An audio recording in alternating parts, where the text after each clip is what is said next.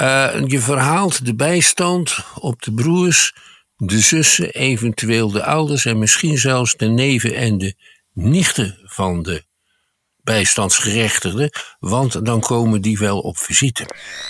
Dan zijn het ongeveer een, eh, een miljoen mensen. Dat is nog geen 10% van de bevolking. Maar dan lijkt toch een beetje dat uh, die hele discussie over die bestaanszekerheid een soort allochtone knuffelen te gaan worden. Je luistert naar de praatkast met gesprekken die er echt toe doen.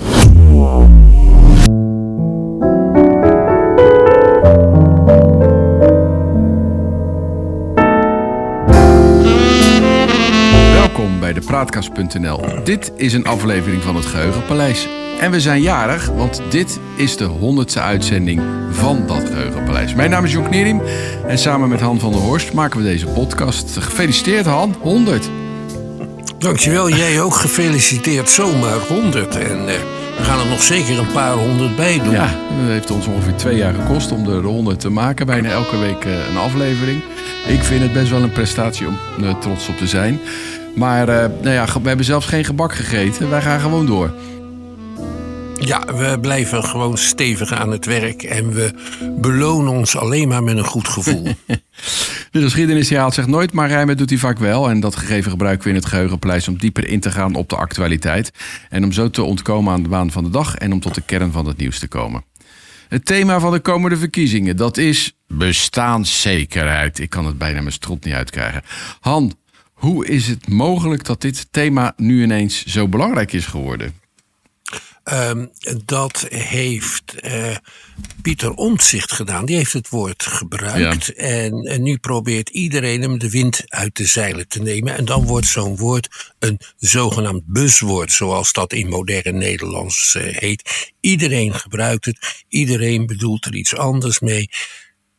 En misschien wel helemaal niets bestaanszekerheid. Om zichzelf zei uh, in Buitenhof dat hij het zelf niet verzonnen nee. had, maar dat het gewoon in de grondwet Ja, het staat in artikel 20. De bestaanszekerheid der bevolking en de spreiding van welvaart zijn voorwerp van zorg der overheid. Ik vind het tamelijk socialistisch klinken, moet ik zeggen. Ja, of uh, tamelijk liberaal of tamelijk patriarchaal. Dat kan je op allerlei manieren uitleggen. Ja. Want er wordt namelijk niet in helder gemaakt wat dan die bestaanszekerheid inhoudt. Ja. En bovendien of uh, de overheid ook de plicht heeft om voor bestaanszekerheid te zorgen. En als je het artikel goed leest, dan staat dat er niet in. Er staat in dat het het onderwerp van zorg is ja. voor het zou toch ook wel gek zijn om de overheid overal verantwoordelijk voor te maken. Dan komt er helemaal nooit meer wat klaar. Ja, dat is een uh, oud-liberale opvatting.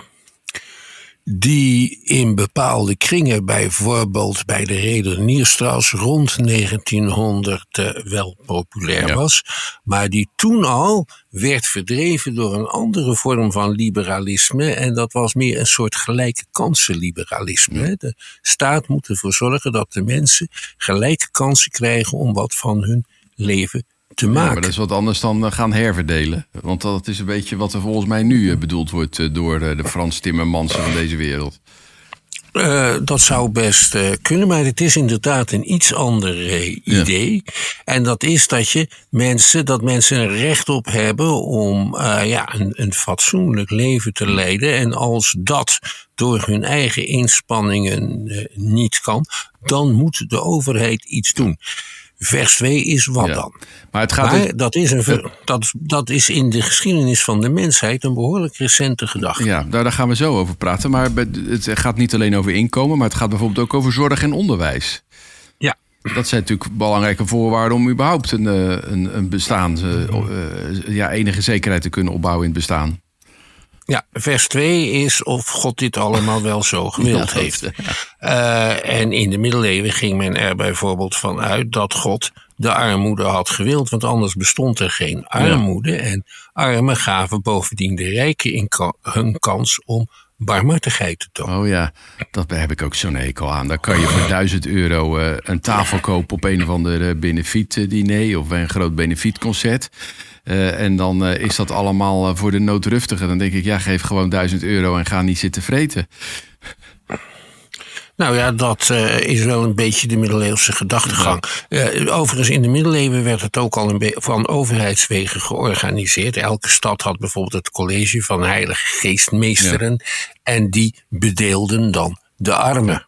Maar we hebben het over de armen. Maar over wie hebben we het eh, eigenlijk in Nederland als het gaat over de mensen die bedreigd worden in bestaanszekerheid? Want de armoede is aan het afnemen, hoe je dat ook links of rechts omkeert, uh, bekijkt.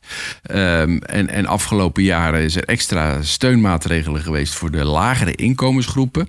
Maar de middengroepen die schijnen het weer wat lastiger te krijgen. En waar, waar doelt de politiek op dit moment op? Nou, ook het begrip armoede heeft men uh, niet echt uh, goed uh, voor ogen. Naar mijn mening zou je het moeten definiëren als de vrije bestedingsruimte die mensen hebben als ze hun vaste lasten voor huur, energie, en verwarming en naar het werk gaan hebben betaald. En dan blijkt op het moment dat groeperingen uit de middenklasse heel weinig overhouden. En soms zelfs minder dan mensen die nauwelijks iets verdienen, omdat die weer voor allerlei toeslagen in aanmerking komen. Ja, waar ook niemand blij mee is, maar dat is een carousel waar we ook nooit meer van afkomen, denk ik. Eh. Ja, dan wordt er geroepen, de huren die moeten omlaag, eh, de inflatie moet uh, gestopt worden, de, de, de inkomens en de uitkeringen, met name het minimumloon moet omhoog. Maar ja, dan trek je toch eigenlijk alle hele economische fundamenten, fundamenten een beetje onver. Nou, dat zeggen eh, bepaalde economische uh, stromingen, dat staat in hun leer. En in die leer staat twee dingen. De mensen, de mensen zijn altijd op zoek naar het beste product voor de laagste prijs. Dus daar moet je ze uh, voor, uh, daar moet je ze toe in staat stellen. En er is een, een, een ijzeren wet, dat is de wet van vraag en aanbod. Is er veel aanbod, dan zijn de prijzen laag. Is er weinig aanbod, dan zijn de prijzen hoog. En in de klassieke economie mag je daar niet aan morrelen. Nee, maar in de wat meer liberale economie zeggen ze... ja, er is ook nog zoiets dat als het uit de hand loopt... dat de overheid kan ingrijpen. Maar dat, dat, dat doet de overheid hier natuurlijk ook op alle eh, fronten. We, we, keren mensen uitkeringen toe en toeslagen toe als ze niet rondkomen. Uh, de huren die zijn uh, afhankelijk van, van de wetgever over hoeveel die mogen stijgen. Het geldt zelfs voor collectieve arbeidsovereenkomsten. belastingen, dat soort zaken, die zijn allemaal worden die bepaald door de overheid. Dus we zitten al in een tamelijk geregelde economie. Ja, maar het ideaal in het verhaal van de huidige neoliberale denkers, dat is het volgende. De overheid is een regisseur. Ja. En de overheid is een marktmeester die zorgt voor een gelijk speelveld. En verder heeft de overheid geen taken. Dat, dat grondwetartikel, dat, dat, dat staat er overigens pas in sinds de grote grondwetsherziening uit 1983. Ja, die is heel erg door allerlei vormen van idealisme getekend, maar ook door de geschiedenis uh, van Nederland. Hè. Ik heb net verteld, in de middeleeuwen en in de 16e en de 17e eeuw trouwens ook, vond men dat armoede nou eenmaal een gegeven was. Je had armen. En aan het eind van de 18e eeuw, dat is een gevolg onder meer van de verlichting, begon men in het Westen te denken dat armoede niet hoorde. En dat armoede bestreden moest worden. Nou, er waren allerlei redenen die men toen aanvoerde voor het gegeven dat er zoveel armen waren. En vaak kwam het erop neer dat dat de schuld van de armen was. Want zij hielden er een verkeerde levensstijl op na. En zij eh, waren verslaafd aan alcohol en deden allemaal ongezonde dingen. Ook leefden zij niet zedig. Dus de eerste sociale hervormers, die probeerden die armen in de greep te krijgen. Ze aan het werk te zetten in ruil voor eten bijvoorbeeld. In dat kader was er een Duitse graaf, de graaf van Humfort, die een speciale armensoep ontwikkelde. Ja, daar hebben we het wel eens over gehad, ja. De Roemfortse soep. Bestaande uit... Uh, bouillon van beenderen, vleesafval, eh, groenteafval, eh, gort enzovoorts. En dan gebruikten ze in Nederland ook nog graag verschaald bier en um, aardappelblokjes als uh, ingrediënt en wijnazijn. Ja. Lekkere, zeer voedzame soep. En daaromheen ontwikkelde men dan dingen om de armen te beschaven. GK van Hogendorp die heeft uh, een brochure geschreven over armenzorg. En daar zei hij, armen moet je alleen ondersteuning geven als ze hun kinderen naar school sturen. Ja, dat toch, klinkt niet heel onlogisch, toch? Nee, het is trouwens in Brazilië waargemaakt door de beroemde president Lula. Die zegt, je krijgt bijstand als je die kinderen naar school stuurt. Ja. Nou, dat, is, dat zijn toch belangrijke stappen geweest in, in, in zeg maar, mensen uit de armoede trekken. Want scholing is wel tamelijk belangrijk als je een baan wil. Ja, ja, dus dan, gaat, dan ontstaat er de gedachte: arme mensen zijn arm omdat ze niet voldoende kansen hebben gekregen. Dus dan ga je volksonderwijs organiseren. Uh, je gaat vakopleidingen in het leven roepen. Uh, je stelt vast dat hun onderhandelingspositie met werkgevers dat die slecht is. En dat het misschien beter zou gaan als de arbeiders zich organiseerden in vakbonden. Dat is overigens heel lang in Nederland, geloof ik, tot in de jaren 60 van de 19e eeuw gewoon verboden geweest. Ja. Dat was een ideetje van Napoleon. Combinaties van arbeiders moest je verbieden. Ja. Er moest één, er moest één op één onderhandelingen zijn. dus dat helpt.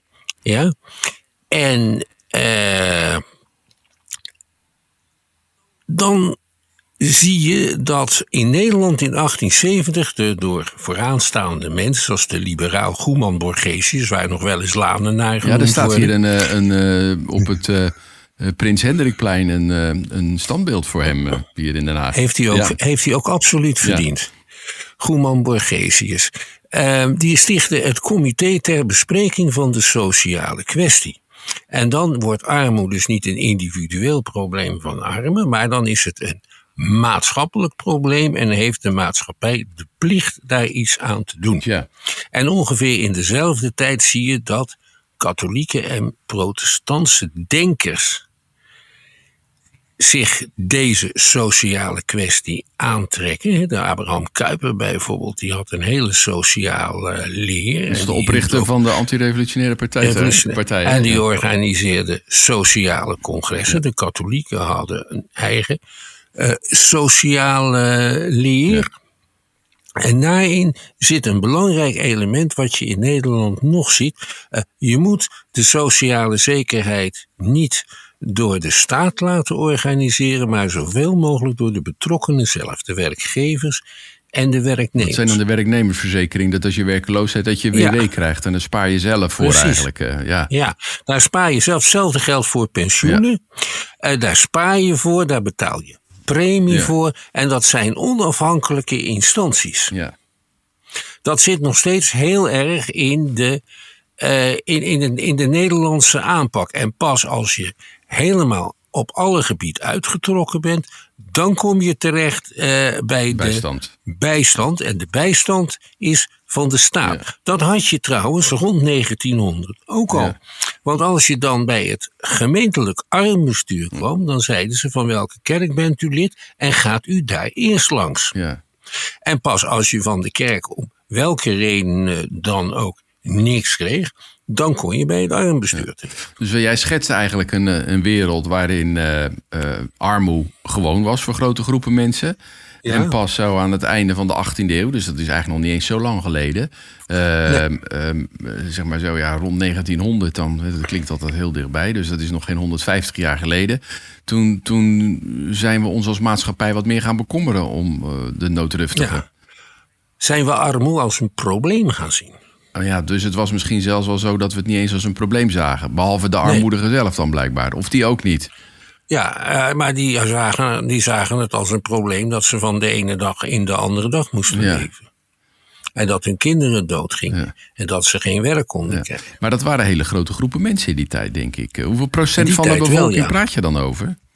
Nou, um, ik denk in 1870, moeilijk te zeggen, toen was 60% van de bevolking. Uh, er hadden in de tijd van, uh, van Torbeck is er een kiesrecht ingevoerd voor mannen van boven de 30 eh, die er redelijk van konden komen. Ja. En dat waren er in Nederland 100.000. ja, dat is ook niet zoveel. En maar in, in die tijd, ja. 1887 waren dat er 300.000. hè, Dus op een bevolking die van 3, 4, 5 miljoen.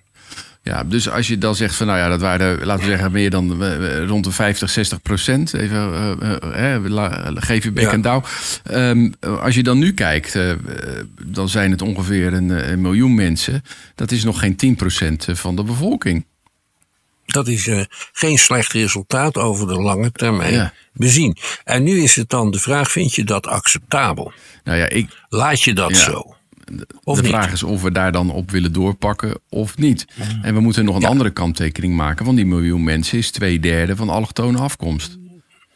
Ja, dat zegt dus iets over discriminatie op de arbeidsmarkt. Ja, misschien ook wel iets over eh, eh, mensen die niet bereid zijn eh, te investeren in hun leven. Over mensen die eh, misschien eh, te hard hebben gewerkt eh, eh, en daardoor arbeidsongeschikt zijn geraakt. Eh, misschien over het feit dat ze eh, zich eh, niet de taal eh, eigen willen maken. Ik bedoel, eh, dat gaat mij denk ik wel wat verder dan discriminatie op de arbeidsmarkt. Je kan Ja, niet alleen daar eh, naartoe maar- wijzen, denk ik. Eh, er zijn allerlei redenen eh, om dat te zeggen. Het valt overigens niet mee om je de Nederlandse taal eigen te maken, want dat is overgelaten aan de markt. In beschaafde landen hebben ze een netwerk van, eh, van scholen waar nieuwkomers eh, de taal van het land kunnen Ja. leren. In Nederland is dat allemaal geprivatiseerd en vallen die mensen in de handen van allerlei oplichters. Want jij kan als, laten we zeggen, iemand uit, eh, uit Syrië niet zo goed bepalen of het onderwijsaanbod ergens op slaat. Maar goed, het is misschien ook eh, een verantwoordelijkheid dus het- als je ergens vandaan komt om dan eh, te zeggen van nou, ik moet de taal gaan eh, leren om mij ook uit de armoede uiteindelijk te trekken. Want als je de Ja, taal niet spreekt in wordt je- Nederland, heb je natuurlijk toch een probleem. Heb je gelijk in, maar je mag hem niet leren zolang je in het asielzoekerscentrum zit en dat duurt Ja, vaak dat- twee ja, jaar. Precies, dat, Begrijp je wat ik bedoel? Dus, dus het, is, het is wat ingewikkelder en wij zijn in Nederland erg slecht in. In het integreren van Ja, nieuwkomers. maar dan lijkt toch een beetje dat eh, die hele discussie over die bestaanszekerheid een soort allochtone knuffelen te gaan worden. Waarom? Nou, omdat twee derde van. eh, dus we hebben het hier over mensen die een uitkering hebben. of die aan de onderkant van de, de, de, de economische ladder zitten. En die bestaan voor Ja. twee derde uit allochtonen. Dus dit wordt allochtonen knuffelen. Zo kan je dat dan toch wel stellen, of niet? Kijk, als jij van- vanaf je 45, 46 je baan verliest. Eh, is er grote kans dat je nooit meer aan het werk komt. Zelfs in deze tijden van groot gebrek aan, eh, aan personeel.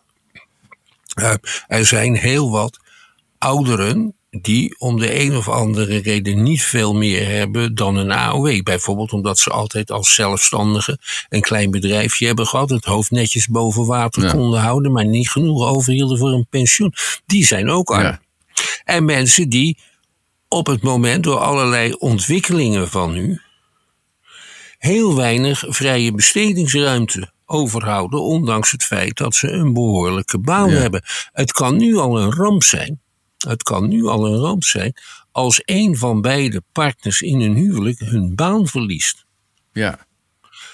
Want dan worden ineens de vaste lasten het grootste gedeelte Ja. Eh, van de uitgaven. Terwijl er in de Hè, dus- 70 dus, ja, jaren. dus het terwijl we in de 70 jaar een situatie hadden.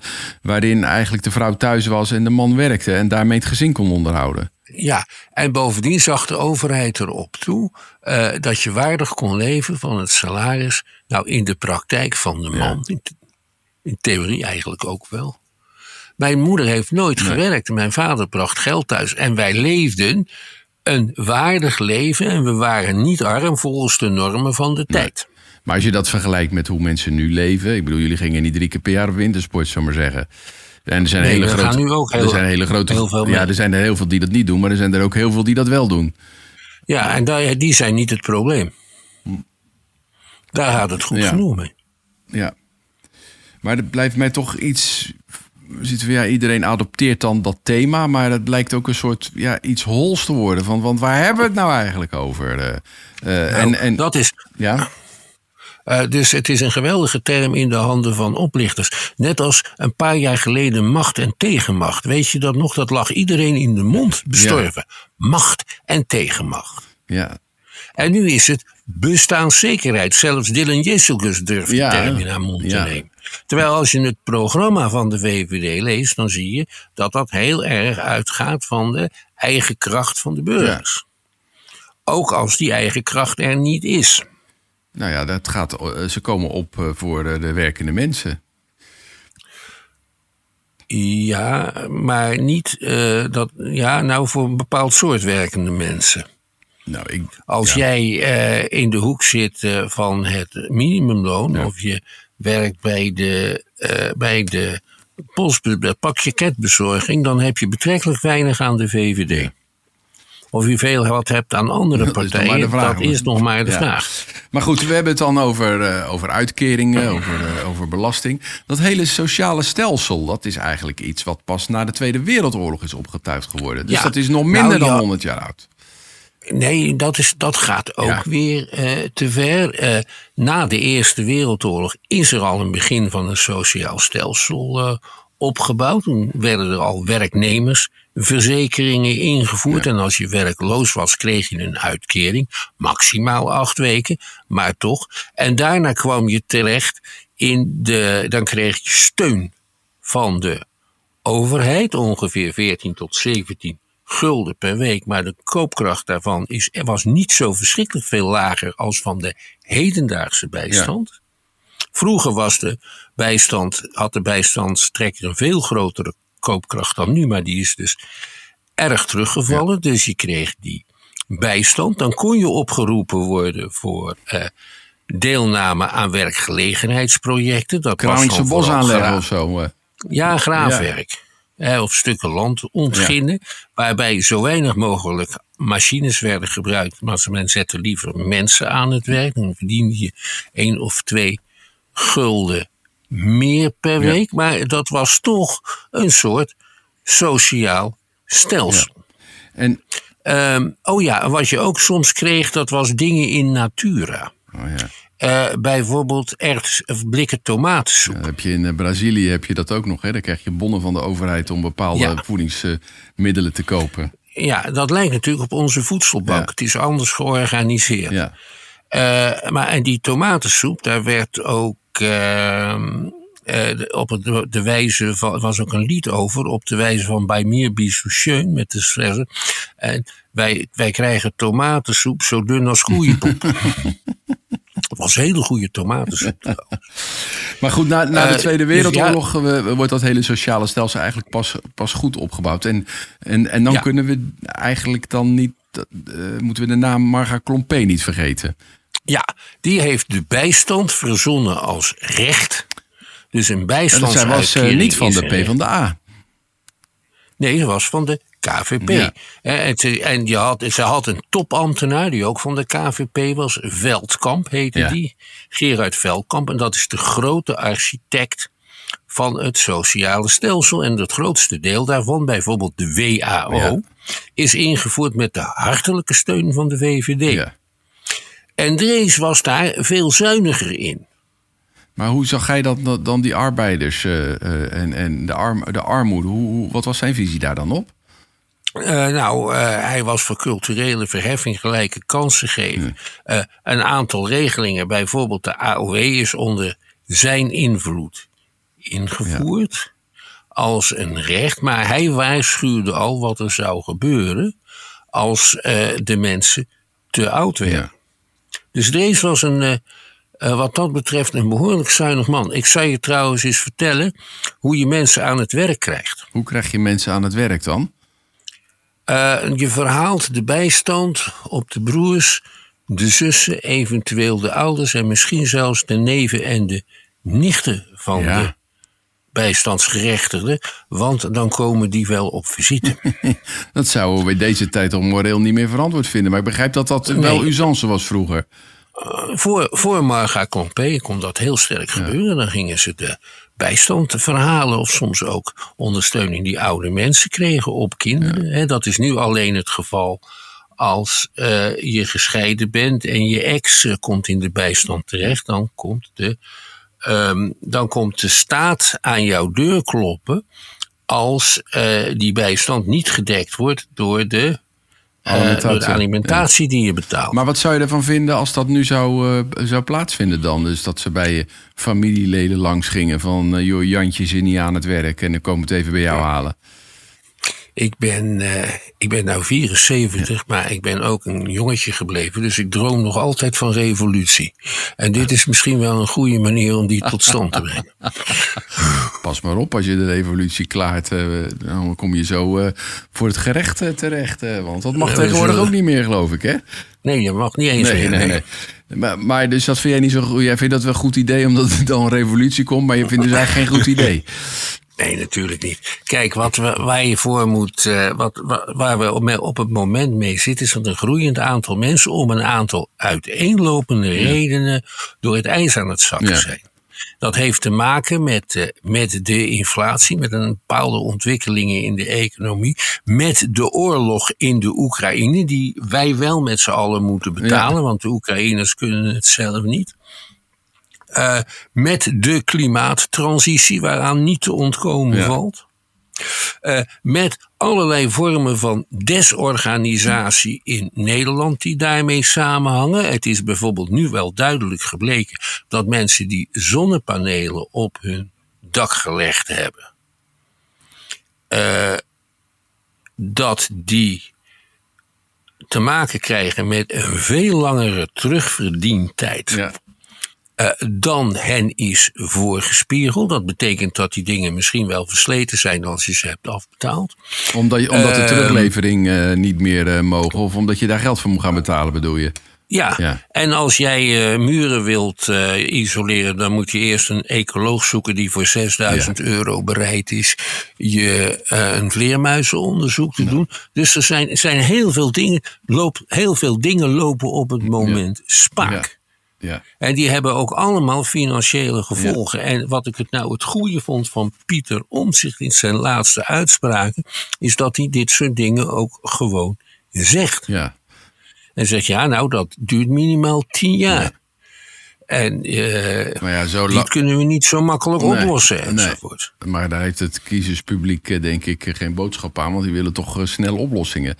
Mijn vraag is eigenlijk... Ja, maar die krijgen nee, ze niet. Dus dat de vraag is of die dan inderdaad niet toch een verlosser wordt... die heel snel gaat teleurstellen. Omdat de uh, aandachtspannen van de mensen maar kort is.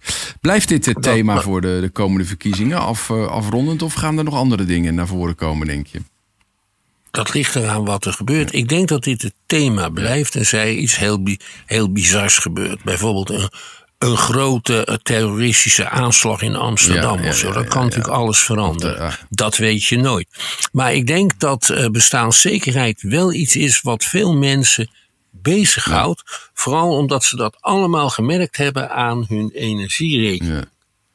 En bovendien hebben moeten vaststellen, we zijn wel gered, maar dat komt wel uh, door dat prijsplafond. Of door het feit dat ik een van, via de gemeente een, een, een, tegemoetkoming heb gekregen. En anders was ik in de grootste problemen gekomen. Mensen maken zich momenteel over dat soort dingen grote zorgen. Ja. ja. En het is de vraag of je met die 2 miljard en de verhoging van bepaalde uitkeringen, of uitkeringen, sorry, van uh, bepaalde, bepaalde toeslagen, of je daar erg veel, in ieder geval genoeg mee uitrichten. Dat zullen we zien. Nou, ik weet het antwoord daar wel op. Dat, zijn natuurlijk, dat is natuurlijk allemaal klein bier. Het klinkt aardig in de beeldvorming, want dat is wat de politici tegenwoordig drijft. In de beeldvorming is het aardig, maar uh, het zijn druppels op een gloeiende plaat, denk ik. Ja, dat is, uh, dat is wel duidelijk. Ja. Nou, we moeten het hierbij laten. Uh, eind november ja. weten we het, hè, als de verkiezingen zijn geweest, uh, wat het belangrijkste thema was. Dan kijken we er nog eens eventjes op terug. Tot zover deze aflevering van het Geheugenpaleis. Aflevering 100 was dit, jawel. we maken dit in samenwerking met de Praatkast en de uitzendingen zijn te vinden op www.praatkast.nl. Abonneren op onze podcast kan in de podcast-app die je vaak gebruikt. En dan krijg je automatisch een bericht wanneer een nieuwe aflevering online komt. En wil je ons mailen, stuur een bericht aan info.praatkast.nl. En voor nu bedankt voor het luisteren en uh, tot de volgende keer. Wees gelukkig, blijf gezond en als je ons niet meer hoort, dan is het misgelopen met onze bestaanszekerheid.